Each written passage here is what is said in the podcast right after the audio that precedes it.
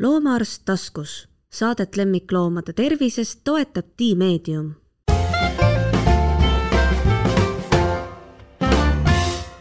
tere, mina olen Tiina Toomet ja te kuulate taskuhäälingut Loomaarst taskus. minu külaliseks on minu kolleeg Triin Kass, tere Triin tere, Tiina! ja Triinuga äh, me rääkisime hästi pikalt kassi teemal kaks aastat tagasi, kui me kirjutasime koos raamatut Kas kass. kasutan kohe juhust, teen reklaami, seda on hästi varustatud no, raamatupoodides veel saadaval. Ja äh, ilmselt ei ole ka info päriselt aegunud. Et ega vist kasside hooldamises, hoidmises ja ravis selle kahe aastaga mingeid väga suuri muutusi pole toimunud. Kõik on ikka, kass on ikka kass. või mis sa, Triin, arvad, keda sina näed kõige rohkem, noorukesi vaktsineerimas, vanakesi haiguste küüsis, kuidas see, kuidas see protsent meil seal kliinikus on? ma arvan, et selle kahe aastaga jah, midagi väga põhjapanevat ei ole muutunud, mina näen, ma arvan, kõige rohkem noorukeid, kes võetakse nagu kas siis varjupaikades, kas siis kuskilt talu lähedalt pesakondadest ja hästi palju on kindlasti ka niisuguseid keskealisi kassikesi, keda ikkagist varjupaikadest päris palju võetakse. Et see esmane ülevaatus on see, mida sa kõige rohkem teed, kui sa kassi kui patsienti mõtled? jah, ma arvan, esmaülevaatus ja siis vaktsineerimised on nagu ülekaalus. Nende, ei ole nagu nii palju neid haigeid, haigeid loomi, et aga eks vaktsineerimise ja ülevaatuse käigus ka me leiame nagu mingid väiksemad nagu tervisemuret ikkagist ülesse. et siis saab juba vastavalt selle visiidi käigus nagu suunata kas toitumist, mingeid toidulisandeid. no vaktsineerimisest ja, ja profülaktikast tundub, et on väga palju räägitud, aga aga alati on mõistlik asju üle korrata, et kas sa siis tuletaksid, kas siis tulevasele kassi omanikule või sellele, kellel kass on kodus, aga kes väga hästi ei tea, kuidas tema vaktsineerimise staatus on, tuletaksid talle siis meelde need, need asjad, mis on vaja teha ka terve kassiga? Terve kassiga olekski soovitatav anda esmaselt, kui ta tuleb koju, anda kõigepealt ikkagist parasiiditõrje, et see on number üks. ükskõik, kus, kus ta võetud on, kas, kas kuskilt maa, maakodust, kuskil varjupaigast, esmane parasiiditõrje võiks olla nagu tehtud enne, enne loomaarsti jõudmist. aga vaktsineerime siis kasse regulaarselt viirushaiguste vastu ja marutaudi vastu. marutaud on see ainuke vaktsiin, mis on kassikestele kohustuslik, et see on nii-öelda seadusega reguleeritud, esmavaktsineerimine on, on aastase vahega ja siis on iga kahe aasta tagant. ehk siis, et kui mul on päris pisike kassipoeg, et siis me teeme talle kusagil kolme poole neljakuuselt selle esimese marutoodi vist, eks ju. just, mitte ja siis, varem. jah, ja siis aasta ja siis kaks. Mhm, just. mm. -hmm. Ja, ja võib-olla siis kuulajale natuke informatsioonis ka nendest viirushaigustest, paari sõnaga pikalt ei hakka peatuma nende peal ilmselt täna. viirushaigused ongi need haigused, mis äh, nii-öelda kasside omavahel siis nii-öelda on hästi nakkuslikud ja, ja kõige suuremas riskigrupis on ikkagist need kassikesed, kes, kes käivad õues. et nemad võiks siis nakatuda kass-kass nagu kontaktiga ja, ja siis sageli loomaomanik küsivad, et, et kui neil on, on täiesti tubane kass, et miks me teda siis peaksime nagu vaktsineerima, et see tõenäosus, et ta kunagi kellegi teisega kokku puutub, on täiesti olematu. aga selle peale ikkagist tahaks tähelepanu pöörata sellele, et need viirushaigused on salakavalad ja nad võivad olla ka mingil määral juba seal kassi organismis olemas, kui meil on niisugune teadmata taustaga nagu kass. Ja me võime ikkagist tuua neid äh, viiruseid enda jalanõudega tuppa. -hmm. et see toakass ei ole selles mõttes nagu ikkagist täiesti kaitstud nende nakkushaiguste eest jah, vist kõige drastilisemad juhtumid on need, et kui ongi täitsa tubane kass ja tal ei ole olnud mingit kokkupuudet teiste kassidega ja seega siis ka viirustega ja siis ta noh, ikka nendega teinekord juhtub, et kukuvad aknast alla või jooksevad ära, on mingisugune nädal aega kuskil redus ja peidus ja siis tal on nagu see oma vastupanuvõime hästi-hästi-hästi nagu madal ja, ja kui selline kass siis saab kusagilt selle viiruse, siis see võib nagu päris hullusti mõjuda, nii et, et see on ka olnud minu meelest üks argument, miks tasub ka neid täitsa tubaseid kasse ikkagi, ikkagi vaktsineerida mm. -hmm. see vaktsineerimine ei pruugi sada protsenti ära hoida haigestumist, aga need haigused võiks kulgeda nii palju nagu leebemalt, ehk siis nii-öelda teatud toetava ravi ja kassi enda immuunsusega me saame nendest ikkagi suurema tõenäosusega üle, et mm. -hmm. ja see käib siis kassikatku ja nende äh, ülemiste hingamisteede viirushaiguse kohta, need on need, mille suhtes Eestis kasse põhiliselt vaktsineeritakse. just. Mm -hmm. kui me rääkisime parasiiditõrjest, siis ähm, noh, esimene asi, mis kohe silme ette tuleb, on siis ähm, solkmed ja, ja sise, nagu siseparasiitide probleem, aga eks on mõistlik ikkagi teha ka just eriti, kui on teadmatu staatusega kass, ka välisparasiiditõrje, sellepärast et ehkki ma tean, et need hoiukodud ja varjupaigad päris kenasti ka ikkagi teevad parasiiditõrjet, siis eh, noh, kirbud on väga kergesti kaasa tulema kassiga ja nad kasutavad kohe võimalust, et saab kusagile mujale reisida. nii et hoolimata sellest, et, et nad on saanud eh, parasiiditõrjet seal, kus nad tee juurde tulevad, siis ilmselt on seda mõistlik korrata ka veel mõned korrad vastavalt loomaarsti soovitustele. jah, ma arvan, et see oleks nagu väga mõistlik, et äh, siseparasiidid ka selles mõttes, nad võivad äh, teha nii-öelda seda, läbida kopsu nii-öelda rännet, ehk siis äh, parasiidid võivad põhjustada köha. jah, noore kassi köha põhjus vist on väga sageli see, et tal on tegelikult solkmed mm. -hmm, et siis on, tuleb nii-öelda see leida see täpne nagu annustamine, et kuidas me saaksime sellest vabaks, et need parasiidid võivad päris ootamatult teha päris palju seal organismis kahju, et äh, ja neid parasiite selles mõttes, et nad saavad väga kergesti nakkuseid mm, -hmm. eriti väljas käivad kassid, et nende puhul tuleb hästi nagu regulaarselt seda parasiiditõrjet ikkagist teha, et äh, ma arvan, et see ussirohi on kordades odavam, kui pärast neid tagajärgi loomakliinikus ravida, et et noore kassi puhul siis vist sageli ongi nii, et et sõltumata sellest, mis kaebusega tuleb ja muidugi eriti võib-olla, kui ta tuleb köha või kõhulahtisusega, et siis kõigepealt lööb lambike põlema, et äkki on tegemist siseparasiidiga. just, et selle teeme, ma arvan, köha ja seedemure puhul küll mitte võib-olla seedemurega nagu kohe, kui ta on, on ägedat oksendamist, kõhulahtisust, aga võib-olla siis ootame natuke, olenevalt nagu juhtumist, aga ootame niikaua, kui need sümptomid natukenegi taanduvad ja siis teeme selle parasiiditõrje, et. mis see, noh, meile võib tunduda niimoodi, et, et kass on palju tervem kui koer, sest et kui vaadata kliiniku patsiente, siis ähm, kasse on ikkagi kordades vähem, aga see muidugi on selline väga petlik, et tegelikult nad ilmselt põevad sama palju kui koerad. kassidega ongi see, et äh, Nad on võib-olla niisugused nagu vaiksed kannatajad, ehk siis äh, koera puhul võib-olla omanikud oskavad juba paremini märgata, et kui neil miskit on muret, et kas nad ei ole nii aktiivsed või, või lonkavad või, või ei söö hommikusööki kõike ära. kuna kass on nii palju nagu iseseisvam, siis on inimesed võib-olla ei, ei pööra talle nagu nii palju, ei märka kohe neid väikseid muutusi, et võib-olla kui ta peidabki ennast natuke rohkem, et ju no, täna on paha tuju umbes, eks yeah,. või ta mhm. on terve nädal otsa, iga päev käib õues, et siis omanik ei, ei puutugi temaga nagu nii palju kokku. et ma arvan, et see on põhjus, miks, miks käib nii palju koeri rohkem kliinikus kui, kui, kui kasse, aga ma ei arvaks, et nad oleks nii palju nagu tervemad. pigem on just see, et nad on nii palju iseseisvamad ja omanikud siis ei, ei märka kohe neid haigustunnuseid koer on võib-olla ka aldim äh, abi otsima, noh, tihtipeale, kui koeral on paha olla, siis ta tuleb, mul on paha olla, aita mind mm -hmm. või noh, nagu kas närviline või nutab või noh, ikka kuidagi emotsionaalsem. aga kass tihtipeale lihtsalt kössitab mm -hmm. ja seda kössitamist võidakse pidada üldse hoopis mingiks umbes halvast, halvaks tujuks või et ah, talle ei meeldi, ma ei tea, see uus mantel, mille ma siia esikusse riputasin või, või noh, millekski muuks äh,. aasta-aastalt on see ikkagist läinud nagu paremaks, et omanikud tulevad juba nagu mitte nagu täiesti haigete kassidega, vaid pigem kellel on juba niisugused nagu mingid väiksed märgid, et kõik ei ole hästi.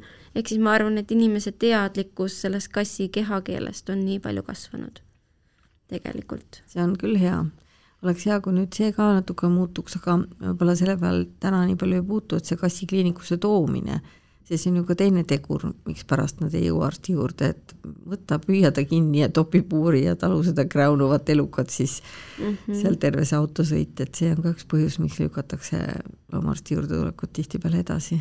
just, et kass on hästi niisugune loom, kes armastab nagu rutiini, et, et kui ta ei tea, mis teda ees ootab, siis sellest tekib juba nii-öelda stress, et, et kui kuskil see transpordipuuris ei ole kunagi pidanud olema ja nüüd järsku peab seal veel autosse sellega minema, et siis on see kassile ikkagi paras stressi nagu allikas. meil on uus kass kodus suvest ja me saavutasime tema äh, siiamaani suurepärase transportimise sellega, et me hakkasime teda kohe söötma selles transpordipuuris.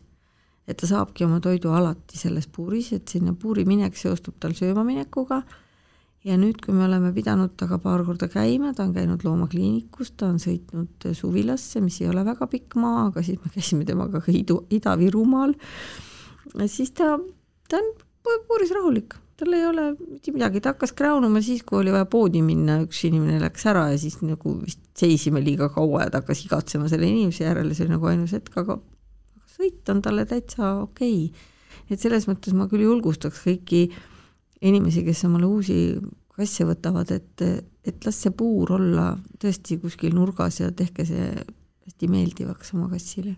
väga tore kuulda, et selles mõttes ongi, et kõik, millega me tahame, et tulevikus kassipoeg oleks nagu harjunud, me peaks teda juba nagu harjutama, et ma arvan, et see on väga hea soovitus, et pannagi see transpordipuur ja teha see nagu tema nagu elu osaks, et kas ongi magamisase nagu seal, et et kõik, mis on kassile nagu tuttav, on, on tema jaoks ka nagu turva, noh, noh, nii-öelda turvalisem. et ei ole see, et ta näebki kord aastas seda puuri, näiteks kui minnakse vaktsineerima, et mm. -hmm. ja siis on see ju vastik. just. mis need siis need haigused on, mis kasse rohkem kimbutavad, et mulle tundub jälle nii, et aastaid-aastaid tagasi olid rohkem igasugused nii-öelda väljapoolt tulevad probleemid, et noh, kas olid traumad või siis nakkushaigused või, või, või mingid sellised asjad, mis, ähm, mis rohkem puudutasidki neid väljas, väljas liikuvaid loomi, et nüüd on ju loomad tub-, tubased rohkem, selliseid traumade võimalusi on vähem, nad on vaktsineeritud, aga ometi on meil ikkagi haigeid kasse ka, kes kliinikusse tulevad, et mis sa siis nüüd näed neist, neid kõige rohkem nendest haigustest? Et noorematel kassidel pigem on äh, urineerimisprobleeme päris palju, siis on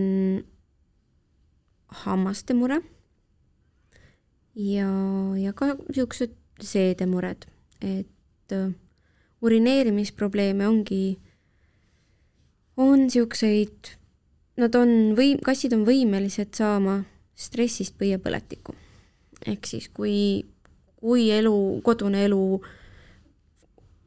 on, on stressirohke või siis on mingi stressirohke situatsioon, näiteks on kolimine, on, tuleb mõni, sünnib uus pereliige, ehk siis see on hästi täiesti tundmatu asi kassi jaoks, et neil tekib sellest stress. Selle... aga muidugi mitte kõigil, eks mitte ole. mitte kõigil mm., just, et need, kes on nagu vastuvõtlikumad ja, ja sageli ongi see, et äh, see põiepõletik on täiesti steriilne, baktereid seal ei ole, kristalle ei ole, ehk siis ongi see nii-öelda vihje loomaarstile, et see võiks olla mingi stressist nii-öelda põhjustatud.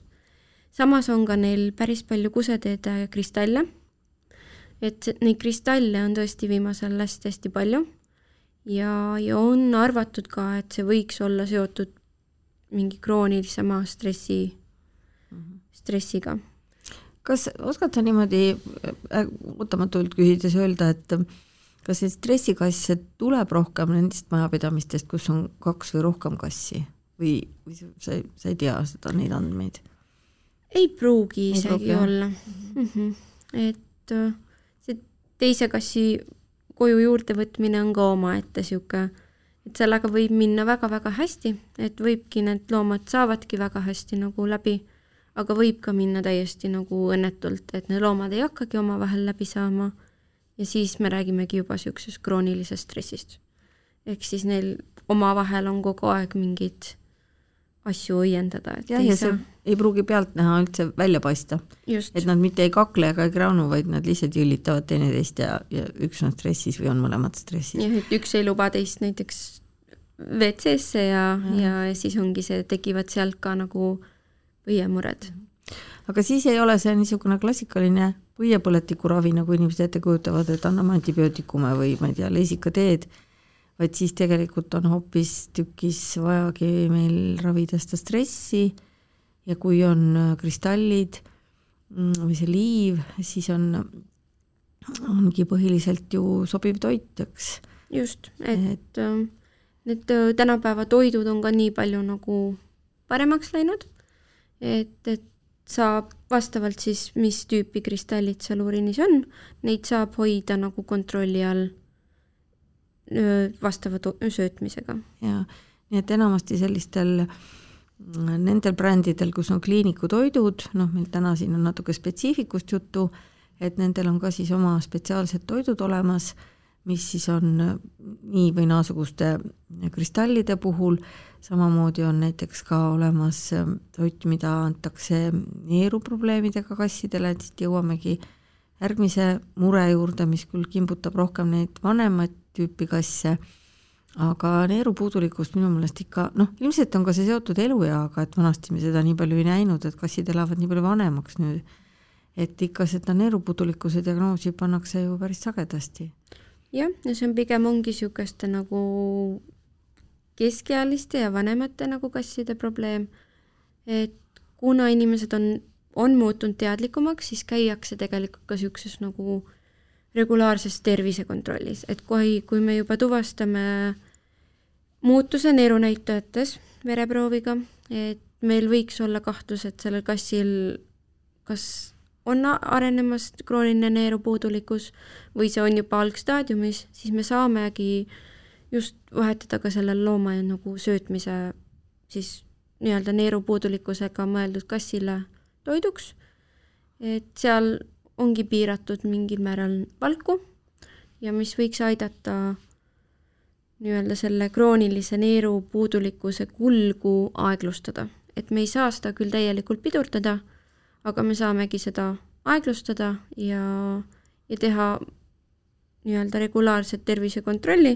ehk siis saame aastate jooksul vaadelda, kuidas see neerupuudulikkus areneb, et see ei läheks päris sinna noh, lõppstaadiumi lõppstaadiumisse mm, -hmm. jah aga jah, ega seal peale, peale toidu ja toidulisandite nagu väga palju variante ei ole. noh, vett peab saama kogu aeg hästi piisavalt, et ta ei tohi janus olla ja noh, stressifaktor jälle ka, mida vähem stressi, seda kergem, aga, aga ega seal nagu sellist ravi-ravi ju ei ole. jah, pidurdada me ja. seda selles mõttes ja. ei, ei saame seda aeglustada lihtsalt. jah, me saame neid mm -hmm. sümptomite tekkimist nagu hoida kontrolli all. kunagi räägiti äh, sellist asja, ma mäletan Euroopa Loomaarstide Foorumil, et kui eetiline on äh, kassile panna doonorneer. See on selline hästi mitme otsaga küsimus, et ühest küljest ta tehniliselt ei olnudki väga keeruline, aga teisest küljest, et kes see doonor siis on? et noh, kuidas me saame otsustada, et üks kass peab oma neeru ära andma nagu teise kassi jaoks. ja siis oli seal, üritati ühte lahendust leida mis ühest küljest oli nagu hea lahendus, aga teisest küljest tegi probleemi palju suuremaks, et see lahendus oli selline, et et kui inimene lei-, kui inimene leiab noh, oma kassile siis doonori, noh, tihtipeale see doonor on ju siis kuskilt varjupaigast, eks ju, et siis ta peab selle adopteerima, selle doonorkassi mm. -hmm. noh, mis tunduks nagu hästi õiglane, eks. aga me suurendame seda probleemi sellega, et see inimene kiindub ju nüüd sellesse doonorkassi ka täpselt mm -hmm. samamoodi ja kuna see on ühe neeruga, siis sellel tekib ju neerupuudulikkus ilmselt natuke varem kui sellel eelmisel. ja see on nagu selline surnud ring, et siis ta jälle adopteerib järgmise. Et ma ei mäleta, kuhu selle aruteluga jõuti, tol hetkel igatahes otsustati, et Euroopas on nagu keelatud kasutada siis noh, niimoodi loom, looma, loomadoonorina et eh, jah, aga see, me lähme väga sellistesse kaugetesse eetilistesse probleemidesse, mul lihtsalt tuli see praegusel hetkel meelde. ma arvan, et need tänapäeva ravitoidud on aidanud neid nii-öelda seda neerupuudulikkuse päris sinna lõppstaadiumisse jõudvate kiisude nagu seda e-, eluaega pikendada. ja kvaliteetsemat Elu- eluaega ka, just. eks ole, et mitte, et nad niisama ei virele seal kusagil. et kui algselt vaatad, et need neerunäitajad on väga kõrged, aga omanikud on siis ka nagu hästi jälgivad nende suhtes, on toidulisandid, on see toit ja see, see kass võib hea, päris mitu head aastat elada. no samamoodi on ilmselt selle teise vanade kasside mm, kroonilise haigusega, mis on siis kilpnäärme ületalitus. et seegi on nii, et äh, ta võib olla nagu, ta võib alata väga dramaatiliselt, aga ta võib alata ka vaikselt, aga kui me saame õigel ajal jaole ja, ja ta saab oma ravimid kätte, siis see elu võib kesta täiesti normaalsena veel aastaid, eks ole ju. võib-olla sa kirjeldad äh, kuulajale, kes ei tea, et ähm, mismoodi see dramaatiline kilpnäärme ületalitus välja näeb? Et eakamad kassid ongi need, kel, keda võib niisugune haigus nagu kilpnäärme ületalitus kimbutada ja, ja tegemist ongi sellise haigusega, kus kilpnäärme koesse tekib kasvaja, mis hakkab siis tootma ülemääraselt kilpnäärmehormooni. kuna organism on kilpnäärm, terve organism on kilpnäärme nagu hormoonist mõjutatud, just siis pigem nagu ainevahetus, siis nendel kassidel läheb ainevahetus hästi-hästi kiireks. omanikud siis kirjeldavadki, et nad ainult tahavad süüa, nad ainult söövad pakkide viisi toite. aga kehakaal sellest ei tõuse, pigem langeb. ja selle põhjuseks ongi see, et see ainevahetus on nii kiire, et see kõik see toit käib nende seest lihtsalt läbi, väga mingite toitainete imendumist ei ole ja sageli on veel neil äh, nii-öelda oksendamist, kõhulahtisust ja, ja samamoodi on see karvastik, ei ole nagu nii ilus, kui, kui ta võiks olla. aga tegemist on haigusega, mida, mida saab ravimitega nagu kontrolli all hoida, ehk siis äh, tablettidega üritatakse vähendada seda kilpnäärmehormooni rohkust veres ja, ja tegemist ikkagist ongi nagu eluaegse diagnoosiga, et me ei, me ei ravi kassi sellest terveks, aga me selle raviga hoiamegi neid sümptomeid siis kontrolli all. et algselt võib natukene tüütu olla omaniku jaoks see, et äh, iga kolme nädala tagant me võtame vereproovi ja, ja muudame siis vastavalt vajadusele seda doosi. et tegemist on ka natuke niisuguse ebastabiilse haigusega, et see, see kilpnäärme hormooni tootmine selle kasvaja poolt on, on ebaregulaarne, et see võib ka nagu ajas muutuda, ehk siis, siis tulebki nii-öelda oma loomaarstiga leida see sobiv ravimidoos ja seda siis vastavalt ettekirjutusele määrata, et väga head ravivastuse, vasted on sellele, sellele haigusele. noh, seal on ka jälle, tekib see probleem, et kõigepealt on vaja see kass arsti juurde saada, sest mina mäletan neid mõningaid kilpnäärme ületalitusega kasse, kes on olnud hästi kurjad, sest ma tean, et selle haiguspildi juurde kuulub ka see, et nad muutuvad üliaktiivseks ja osad muutuvad neist ka täitsa noh, sellisteks kohe vihasteks. et kõigepealt peab selle vihase kassiga saama siis arsti juurde, temast vereproovi võtta ja ja siis ravi peale ja siis nad jälle nagu muutuvad niisuguseks leebedaks, toredateks miisudeks tagasi.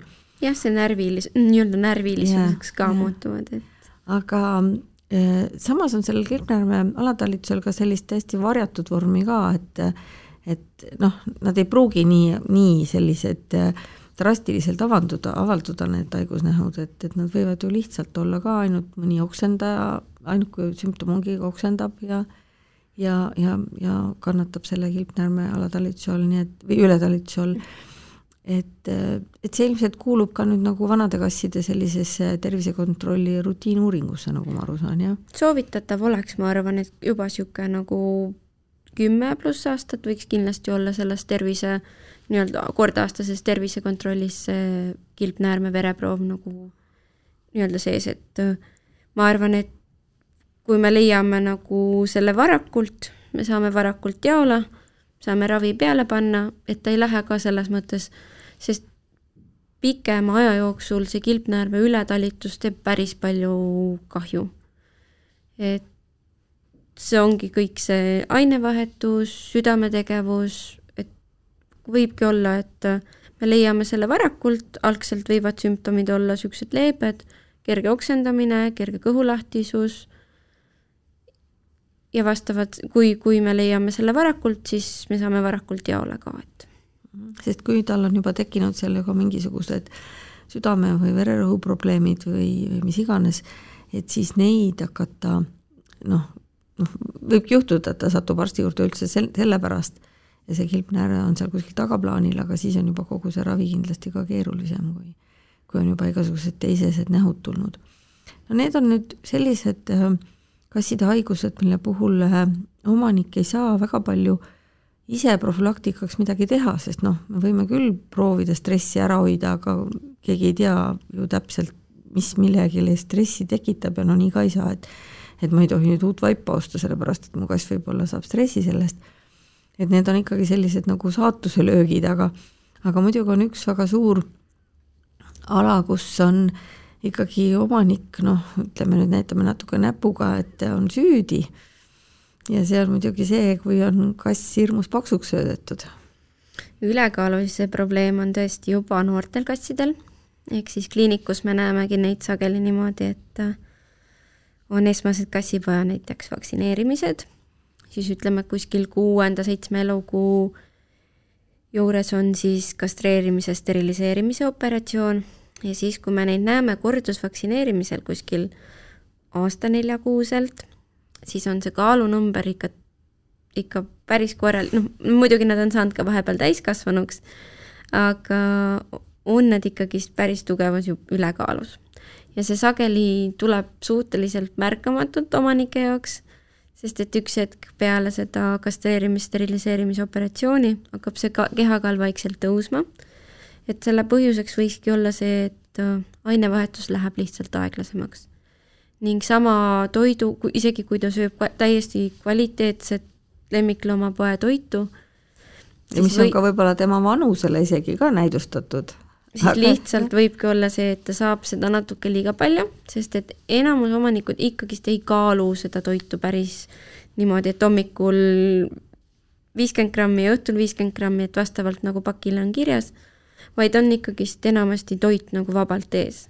et see ei olegi tegelikult probleem, kuniks meil ei teki ülekaalu. et ülekaalulise probleem ongi liigse, liigesed saavad liigset koormust on kõrgemas riskis diabeediks ehk suhkruhaiguseks ning sageli ka on see, et nad ei suuda ennast, enda karva enam nii hästi hooldada. ja võivad tekkida ka sinna nii-öelda päraku piirkonda, kui nad ei suuda ennast korralikult puhastada, neid nii-öelda väljaheite asendit võtta, siis võivad sinna tõesti tekkida nagu nahapõletikud ja, ja lõpuks võib see loom vajada isegi niisugust nii-öelda äh, karva täiesti nagu mahaajamist, et kui, kui sinna on tekkinud juba mingid karvapulstid, et see kass ikkagist on mõeldud see, et ta keelega siis ikkagist hooldab oma, jah. Mm.. et sageli, et kui nad on nii ülekaalulised, siis sinna taha kaosa poole nad ei pruugi ulatada. ja sealt, ma arvan, juba tulevad need, need, need teised probleemid, et see, see kehakaalu normaalsena hoidmine on ikkagist väga-väga oluline, mida omanikud saavad ise täitsa teha, et kass ei lähe sinna külmkappi, kui kõht on tühi, et eks see muidugi on, on päris tüütu, kui, kui nad tulevad nagu seda toitu norima, et omanikud noh, sageli räägivadki, et neid aetakse kuskil kell kuus või kell viis juba ülesse. et äh, siis tulebki päris nagu kõvasti tööd teha selle kallal ka, et äh, mis me siis sellele loomale pakume, et kui ta tuleb seda toitu norima, et kas siis tähelepanu või siis jälle toitu et ma arvan, seal, kui see ülekaal juba on tekkinud, siis seda on päris keeruline nagu alla saada, et see nõuab distsipliini nii omanikult kui ka nii-öelda kassilt, et lihtsam oleks seda kõike nagu ennetada. ehk siis see tähendab seda, et kohe, kui on siis see äh, steriliseerimise või kastreerimise operatsioon ära tehtud, et mis siis, et see kass võib-olla näeb välja nagu silguniisk, et hakata ikkagi andma talle seda spetsiaalset äh, kastreeritud või steriliseeritud kassitoitu. et see on, et see on ikkagi ähm, kalorivaesem kui tavatoit. Ja, ja me ei saa jälle nagu tavatoitu lihtsalt vähemaks võtta, sest siis ta, tal jääb see kõht hirmus tühjaks ja ta ei saa ka oma vitamiine ja mineraale kätte, nii et ikkagi selle spetstoiduga. Ja teine asi, mida võib-olla peaks inimestele ütlema, et kui ta nõuab ja kui teil ei ole talle aega tähelepanu anda, sest tihtipeale kass ju tahab tähelepanu, mitte ei taha toitu, aga meil on lihtsam toitu anda, et siis andagi seda toitu nagu ühe krõbina haaval ja, ja. valida need väga, väga kalorivaesed variandid. mis ma veel olen soovitanud just nagu kassipoja omanikele, on see, et nad harjutaksid neid söötmismänguasju kasutama. see, mhm. kus pallikeste seest tulevad krõbinad ja kui on väga aktiivne kass, siis ma olen isegi soovitanud niimoodi, et harjutada ta tasapisi niimoodi, et kõik toit tuleb söötmismänguasjast uh. Mhm. -huh. see pakub neile selles mõttes päris palju nagu, kui nad on toakassid, siis seda tegevust ja, ja ma arvan, et kui nad nagu näevad toidu nimel, saamise nimel vaeva, siis, siis on nad ka paremas kehakaalus, sest nad kulutavad samal ajal nii-öelda energiat toidu saamiseks. Jah, et neil ei ole ju siis elu nii igav, et muidu ongi nii, et söö ja maga, söö ja maga. tegelikult kõik kassid tahavad ju jahti pidada, isegi need kassid, kellel on kõht täis kui need välja saavad, neil ikkagi on silmad vilavad linnukeste ja hiirte ja muude näriliste järele, noh, ei saa neile seda linnatingimustes vähemalt me ei saa selliseid võimalusi pakkuda, ega maal ka pole tore, kui nad linde jahivad.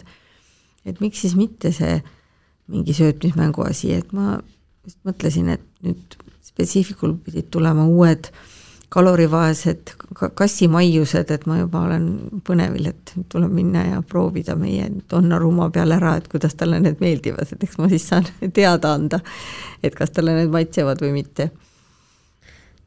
Kindlasti selles mõttes, et äh, harjutada ja mida roh-, mida vara, varasemalt nad harjuvad nii-öelda neid söötmismängu asju kasutama, seda paremini nad võtavad neid tulevikus nagu vastu, et äh, ma arvan, et söötmismängu või nii-öelda maiused ja neid on ka, saab kassikestele ka mingeid trikke õpetada, et äh, lihtsalt läheneda tuleb hästi paljude maiustega et ei tööta see, et kui me kõvemat häält tõstame, mis vahepeal võib-olla koera puhul nagu toimib, kassil, kui me mingeid trikke midagi õpetame, siis see on kõik läbi maiuse ja, ja hea. ainult meelitades. just. aga ma arvan, et äh, anname siit teile sellise täitsa toreda vihje saabuvateks jõuludeks.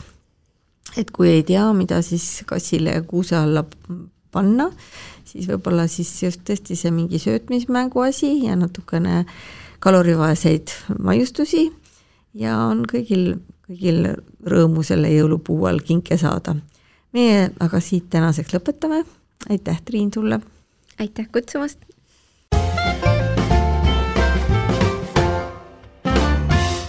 loomaarst taskus, saadet lemmikloomade tervisest toetab Tiimeedium